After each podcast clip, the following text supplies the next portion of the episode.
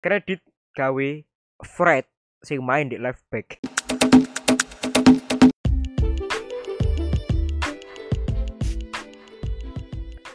Balik lagi di Neras FC, podcast sepak bola beserta konspirasinya dengan Ali Akbar. Halo Rek, balik mana di episode piro iki san wis akeh aku lali sampean. Hmm, yo ndek aku dino iki siaran dhewean neh. Dan aku kali iki pingin bahas iki sih eh, match day 2 UEFA Champions League ya. Lumayan seru kan minggu ini kan. Yo soalnya hmm, grup-grupnya kan yo akeh sing seru kan. Jadi match day match day ini mempertemukan klub-klub yang besar raksasa-raksasa Eropa yang memang eh, lek dipertemukan itu bakal menjadikan suatu pertandingan itu seru banget gitu kan. Oke. eh match day 2 Champions League. Sing pertama iku ono eh, Shakhtar Donetsk musuh Inter Milan.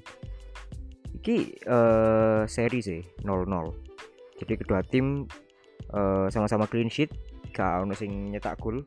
Bener-bener skor kacamata di gini.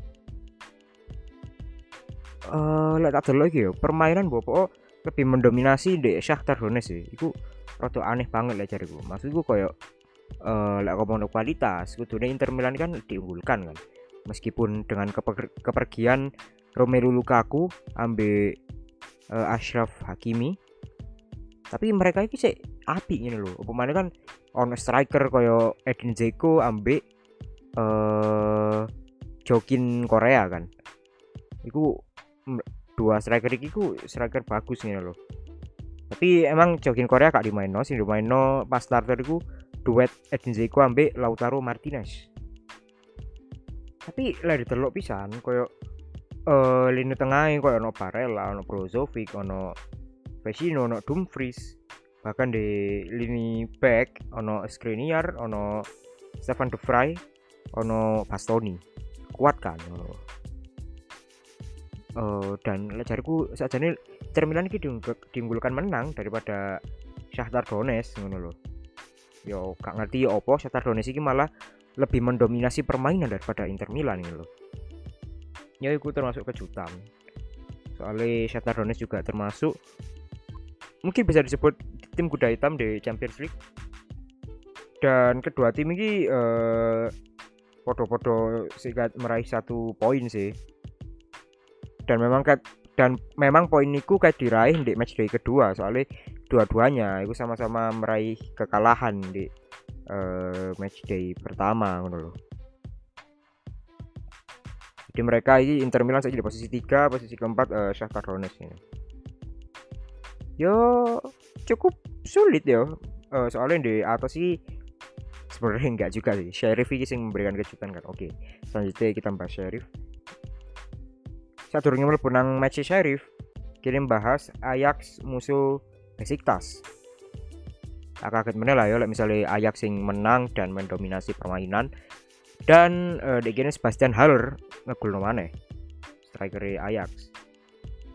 So far mendominasi banget sih di gini Ajax ini di pertandingan kali ini Eh, dengan banyak passing dengan shotsnya yang banyak juga possession menang jauh ini kan. Layak menang lah dan sekarang Ajax memuncaki klasemen eh, sementara grup C UCL Oke, selanjutnya ono Real Madrid musuh Sheriff. Uh, shit, sumpah iki. yo, ya apa ya? Kontrol lah, Sheriff iki tim Moldova pertama yang berhasil masuk nang Champions League. Bahkan sekait iki tahun 2021 ya kan. Ini kejutan dan memang ya memang mungkin mereka layak masuk nang Champions League. Aku gak ngerti kualitas pemainnya ya apa ya. Bahkan lek aku ndelok line up gak ono sing kenal aku pemainnya, Pak. Sopo iki ngene lho. Gak kenal sama sekali aku. Tapi itulah hebatnya mereka berhasil mengalahkan Real Madrid dengan unggul satu gol di atas Real Madrid jadi skor 1-2 untuk kemenangan Sheriff. Iki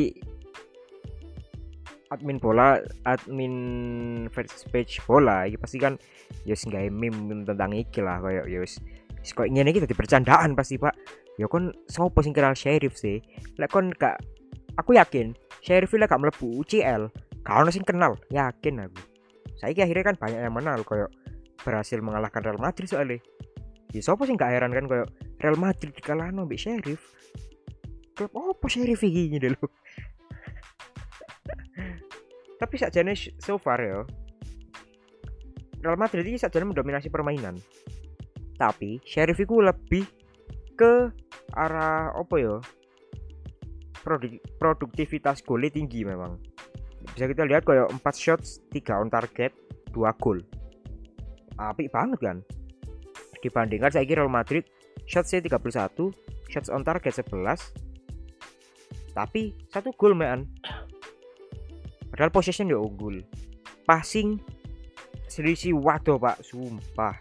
Saja niki unggul. Real Madrid ini unggul dalam segi permain dalam segi stats ya statistik. Tapi yo yo apa pak? Uh, mungkin aku gak delok main ya Sheriff Real Madrid iki soalnya ya tak pikir aku bakal ngira alah Real Madrid menang gampang ini loh yakin aku kan soalnya tapi ternyata Sheriff yang menang itu untuk mengejutkan aku loh mengejutkan seluruh dunia iki malah sing menyukai sepak bola ngono. Yo pasti kaget lah dengan hasil iki ngono lho. mungkin lek delok koyo ngene iki yo, mungkin Sheriff iki mengandalkan counter attack yo. Gak ngerti sih skema permainannya diandalkan Sheriff itu gimana, tapi lek delok toko statistik rupanya mereka memanfaatkan counter attack sih. Dan mungkin memanfaatkan uh, backline Real Madrid yang terlalu tinggi mungkin. Yo. Jadi yo cukup mengejutkan lah Real Madrid kalah musuh Sheriff. Next ono match uh, Milan Atletico Madrid. Foto-foto kota Madrid iki kan. Dek kene Milan sing uh, main di uh, kandang. Iki tapi kalah. Depodo sing Real Madrid mang kalah Pak Dek Santiago Bernabeu. Jadi saiki uh, Milan menjamu Atletico Madrid di San Siro. Tapi kalah. Tapi memang uh, Atletico Madrid lebih diunggulkan untuk menang mungkin ya. Dengan skala statistik dengan uh, mungkin lek bahas pemain mungkin bisa disebut imbang-imbang sih. Soalnya sekarang kan juga Atletico Madrid terus nekakno Griezmann balik kan. Meskipun Saul uh, di loan nang Chelsea ini kan. Yo itu padahal uh, kita lihat line up AC Milan ini termasuk uh, turun dengan squad yang kuat juga menurut yo koyo kita sebut aja di depan ono Ante Rebic, Rafael Leao, Brahim Diaz, ambil Salamaker kuat kan? Harusnya bisa lah lebih uh, membuat chance membuat uh, passing-passing berbahaya chance-chance yang berbahaya. Tapi dek ini Frank Yannick Casey itu kartu merah sih kartu kuning kedua sih. Iku pun di menit 29 jadi kayak mempengaruhi besar permainan AC Milan setelah itu loh ya kehilangan satu pemain sulit lah pak loh pemain sih menit, awal di babak pertama ini loh berat. Tindak gini kemenangan untuk Atletico Madrid. 1-2 Atletico Madrid yang menang. Match selanjutnya ono ke Borussia Dortmund musuh Sporting Lisbon. Hmm lah iki yo le mau dalam di, di atas kertas iki wis ketok lah yang bakal menang ngono kan. Wis kontro bocil Halan Erling Brot Halan.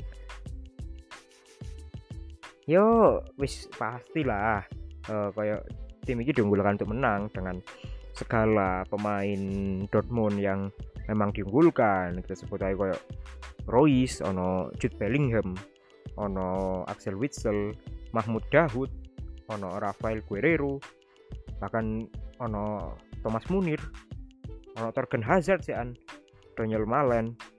Tapi uh, menariknya di gini Haaland itu main pak? Bahkan gak digowo di bench. Aku gak ngerti yo Haaland ini apa kok gak digowo apa mungkin diistirahatkan? Atau mungkin dia cedera? Aku gak ngerti yo. Tapi kok awak kok halan kok gak mungkin cedera sih? Ya kudu gak mungkin sih. E, kemungkinan itu kecil banget.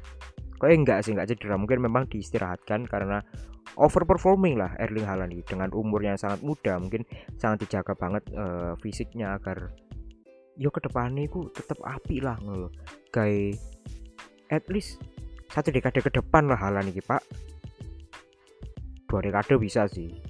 Awal-awal kayak Halan soalnya Halan kan ya awal mirip-mirip kayak Ibrahimovic kan. Ibrahimovic kan saya sampai petang polo ini loh gila banget kan ya udah gini Dortmund menang 1-0 unggul dari Sporting Lisbon. Dan Dortmund saya uh, menempati posisi kedua klasemen sementara grup C. Sementara Sporting belum mendapatkan poin sama sekali dan uh, menjadikan dia di posisi keempat di atas Besiktas malah. Besiktas di posisi ketiga. Oke okay, next match. Oh no. PSG musuh Manchester City. Wah pertemuan dua klub sultan mana kan? PSG yang dipegang uh, Nasser Sultan Nasser oleh Manchester City. Cekel lambe uh, Sultan siapa? Mansur. Yo. Yo wis oye oye iki lah uh, dengan duitnya akhirnya mengeluarkan lah uh, duit-duit itu gawe tuku pemain-pemain yang berkualitas ini kan. Ya kita sebut aja di PSG saya dengan gaji-gaji termahal di lain tapi kono Donnarumma ono Messi ono Mbappe ono Neymar. Iki trik sulai gitu sih mau sih kayak Mbappe di tengah kiri Neymar kanan Messi you kurang opo pak? Kurang sangar opo pak? Iki iki gak ngomong no opo mana wis iki. Pemain dengan kualitas dunia internasional ini loh jadi yo yo apa yo? Yo kita mungkin mendaba-dabakan uh, trio iki juga. Dan kita gak nyangka bisa sih uh, trio iki bakal tercipta gila gila juga kan tiga pemain ini bakal main bareng tuh. Kini mungkin gak bakal nyongko tapi yo menyatukan ego setiap pemain atau dan dan dengan uh, reputasinya yang memang besar itu sulit sulit nemen sih. Kayak saya Mbappe kan role DE ini superstar di usia yang muda akhirnya DE egois kan. DE seumur berapa 22 23 kok Mbappe kan tapi ku udah uh, egois banget sih tapi yo untungnya wingi ku ngegul no kau eh kudu ngegul no wingi ku ngkei asis gawe Messi. Akhirnya Messi nyetak gol. Setelah uh, beberapa match iku mek kayak ngukur lapangan Pak Des Princess sumpah. Kanggul gol Pak Demek pelayan-pelayan tok anjing. Ya gol pertama dicetak Idris Gueye ya apa aku kak rumah cowok ini tapi uh, gol kedua diciptakan oleh Lionel Messi passingnya Mbappe back heel sih itu Bu itu bisa di, bisa disebut back heel apa back pass? Tapi back pass ya. Ya seperti itulah. Jadi akhirnya Messi mencetak gol. Gol pertama untuk PSG dan uh, skor akhir 2-0 untuk keunggulan PSG dan PSG menduduki uh, posisi pertama di klasemen sementara grup A dengan 4 poin. Next match ono FC Porto musuh Liverpool. Uh, ketok lah ya. uh, meskipun kita berharap Porto memberikan perlawanan ya. Tapi kini kan uh, banyak men mengunggulkan untuk siapa yang menang pasti Liverpool kan. Jelas lah. Pemane uh, padahal kudu iki kudune bisa sih memberikan perlawanan FC Porto soalnya mainnya di home. Liverpool sih ngewe pak. Tapi ternyata terjadi pembantaian. Porto dibantai pak ya ambek Liverpool 5-1 bos. Gak tanggung-tanggung bos. Aduh aduh. Bahkan cukup mengejutkan sekali ya kayak tiga gol gue nggak sih bukan tiga gol sih. Trisula tiga Trisula maut Liverpool mungkin kembali lagi uh, Trisula Roberto Firmino Muhammad Salah ambil Sadio Mane akhirnya. Mereka ini tiga tiga yang mencetak gol lagi. Muhammad Salah dua gol Mane satu gol Firmino dua gol. Sangar kan? Termasuk uh, Trisula maut di masanya dan itu mungkin mulai kembali mana mereka ya so far um, Liverpool mendominasi permainan sih dengan statistik kayak shotnya yang banyak, shot on target yang banyak, passing banyak, possession yang unggul gitu loh. Hmm. Dan Liverpool akhirnya memuncaki klasemen sementara grup B dengan 6 poin. Dan Porto ono di pot uh, Europa League di posisi ketiga klasemen sementara grup B next match oh no. Arbitrasi kelas klub Brugge dibahas lah. Tak usah sih kak seru skip skip. Uh, Atalanta Young Boys. Kyo ya lumayan seru sih. Atalanta menang 1-0 ya kan? Akhirnya yang Boys dikalahkan. Tapi yo lek lek kudu lakone dewe kudu MU dewe sing ngalahno gak lego kan? Yo let's see this young boys in Old Trafford beberapa bulan ke depan. Next match ono iki ono Zenit Malmo Malmo dibantai 4-0 ambil Zenit kasih dibahas ya gak seru lah. Wolfsburg Sevilla. Hmm sebenarnya match yang imbang-imbang sih ngono kayak dua-duanya ini uh, wakil dari setiap negaranya tapi tidak diunggulkan daripada tim-tim yang emang uh, sudah lama main di Champions League. Soalnya kan Wolfsburg memang sudah pernah main di Champions League tapi kan mereka udah lama absen gitu loh. Dan Sevilla Sevilla ya semuanya ngono-ngono aja pak. Kok nek banding nabi Real Madrid Barcelona be Atletico Madrid kan beda kan. Alasnya berbeda lah gitu loh. meskipun Julian Lopetegui pinter juga moles pemain memanfaatkan pemain seadanya uh, membuat skema permainannya sendiri yang bisa membuat uh, Sevilla ini bersaing lah di Champions League skor akhir Wolfsburg Sevilla satu, satu, satu sama. Meskipun sebenarnya like, di telok toko statistik Sevilla ini uh, lebih unggul dalam segi permainan akhirnya tapi Sevilla dan Wolfsburg sama-sama meraih dua poin di grup. Oke okay, next match oh no Bayern Munchen musuh Dinamo Kiev kasih bisa nggak jenis sih. Meski atau sih menang sopo gak sih? Bayern pak bantai Dinamo Kiev pak. 5 kosong bos. Aduh aduh. Sekira dewe lah mana sing gol lek gak ya Lewandowski uh, Serge Gnabry, ono Leroy Sané dan ada Lord Choupo-Moting. Aku karo ya, mungkin ini uh, pergantian pemain sih. Mungkin Lewandowski diganti Choupo-Moting sih ini di babak kedua. Dan kemenangan iki membuat Bayern kokoh di klasemen sementara grup E dan 6 poin di posisi pertama, Pak. Next match ada RB Salzburg musuh Lille gak seru sih hmm. Mending kita nang next match ya ono Juventus Chelsea. Aih. Juara Champions League boy. Dikalahin nambah Juventus. Padahal tinggal be Ronaldo ah tinggal be Ronaldo loh bisa menang loh sangar gak sih? Sing nyetak pun uh, Federico Chiesa. Kok Chiesa? Chiesa. Federico Chiesa mencetak gol untuk kemenangan Juventus. Gol semata wayang di uh, pertandingan ini. Bahkan shots on target kedua tim ini loh. Pada pada satu. Pada pada satu. Pada pada satu. Uh, shot on target kok gak niat main sumpah di ini. Meskipun lek di telok teko segi passing, passing akurasi, total shots itu akan Chelsea sih. Jadi Chelsea mungkin mendominasi permainan, tapi kok kedua tim ini sama-sama produktivitas gole kurang banget nih loh kurang efektif lah permainan mereka tapi Juventus ya gini menang dan dengan itu Juventus kokoh di posisi pertama uh, klasemen sementara grup H dengan 6 poin. Sementara itu Chelsea di posisi kedua dengan 3 poin. Next match ono sing lucu. Benfica. Aduh gak kuat aku. Benfica musuh klub kesayanganmu ini Barcelona. Aduh, aduh di Aduh, Pak, dibantai 3-0 tanpa perlawanan. Gimana Barcelona? Tolong. Dek kene yo, aku iki gak kenal sama sekali ambek pemain-pemain ini Benfica kecuali ono ono Jan Vertonghen, pemain uh, mantan pemain Tottenham.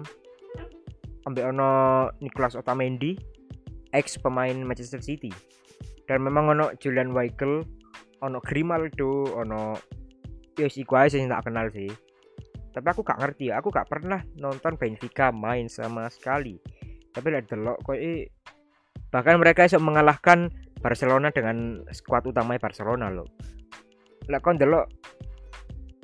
Lah kon delok uh, lain apa Barcelona pak yo tak sebut naik wis. Mulai Buri Ter Stegen sebagai kiper.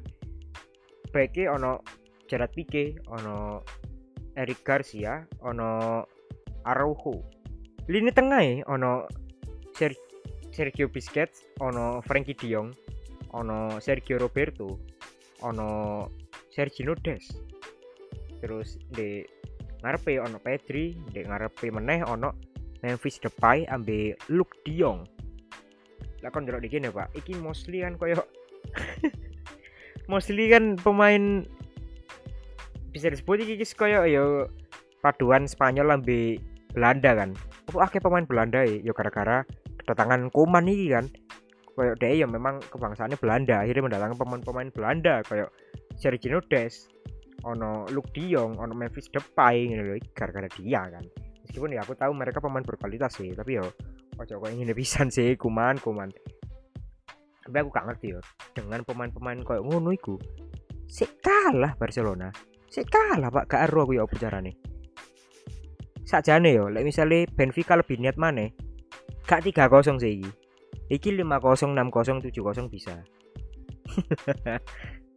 Segak niat iku pak Barcelona pak. Koyo aduh apa yo laki-laki lagi masa di masa-masa terburuknya sih.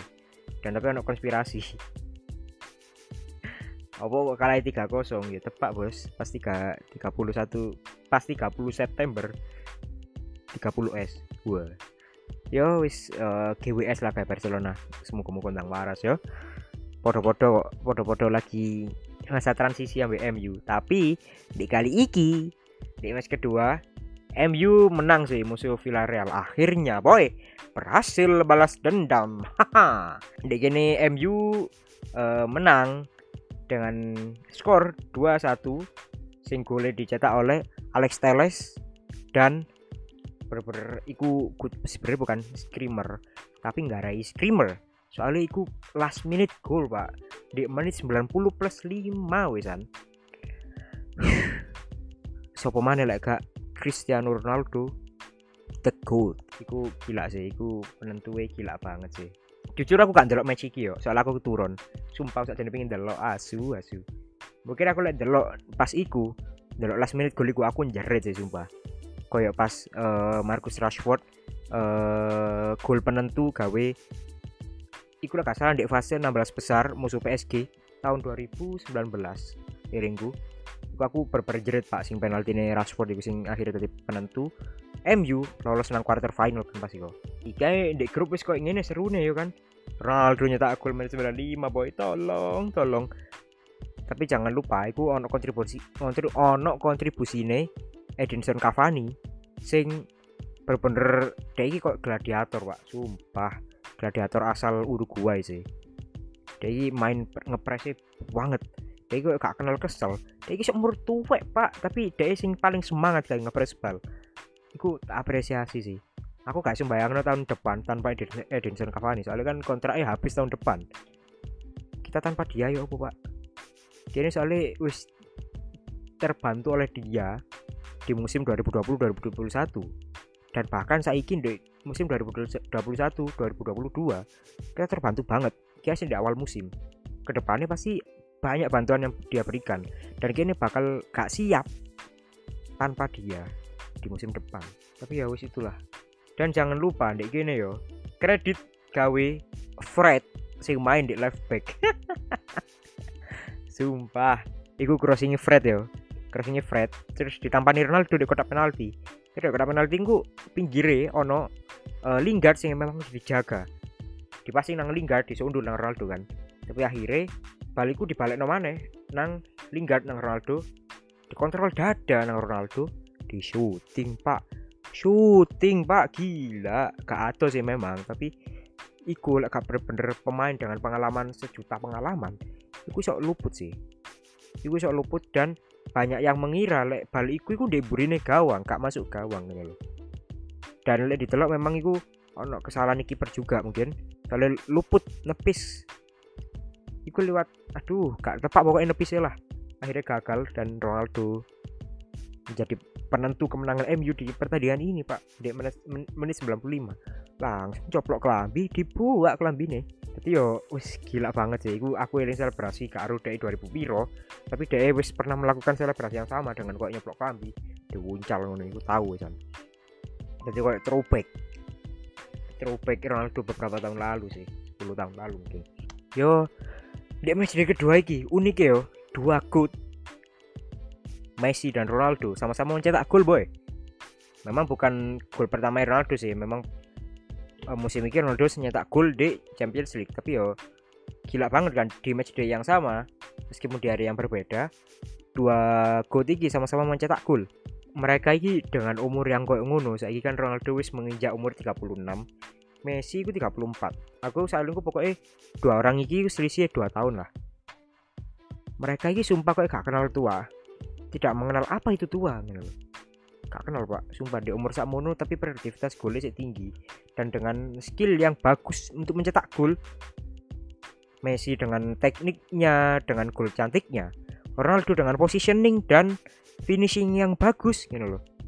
Iku gak semua pemain gak semua pemain di umur sakmono sih tuwe sih. Biasa umur sakmono itu memudar memudar sumpah skill tapi kita perlu apresiasi Ronaldo ambil Messi. Meskipun dengan umurnya yang tua tapi mereka tidak kenal tua.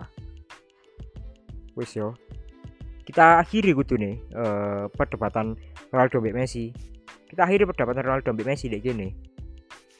Wis toh nikmatin aja permainan Ronaldo mbak Messi pak. Mereka ini 2-3 tahun lagi wis entek mas Ae wis bakal pensiun. Yakin aku gak bakal suwe mereka ini apa gak mau hargai permainan mereka selagi mereka masih ada kan bakal kangen pak besok-besok lah misalnya mereka iki pensiun gitu loh wes toh hargai aja. Gak usah banding-banding no siapa lebih baik Ronaldo lebih baik Messi lebih baik gak usah.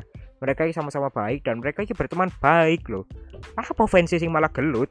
Apa gak gendeng dah kan wes toh hargai hargai selagi ada ngono lo nih Oke, kita akhiri aja episode iki deh. Jadi kok tadi drama nangis-nangis, gak usah tak akhiri dek. Kene episode kali iki. Sun kayak kon kabeh sing wis ngrungokno episode kali iki. Ojo lali uh, rungokno episode-episode Neras FC sing sak durung-durunge. Di uh, aplikasi streaming podcast favorit kalian khususnya di Noise. Haha kini harus melepuh di Noise rek. Jadi rungokno di Noise bisa ya. Uh, aku sebagai perwakilan kru yang bertugas hari ini mengucapkan terima kasih dan Sampai jumpa.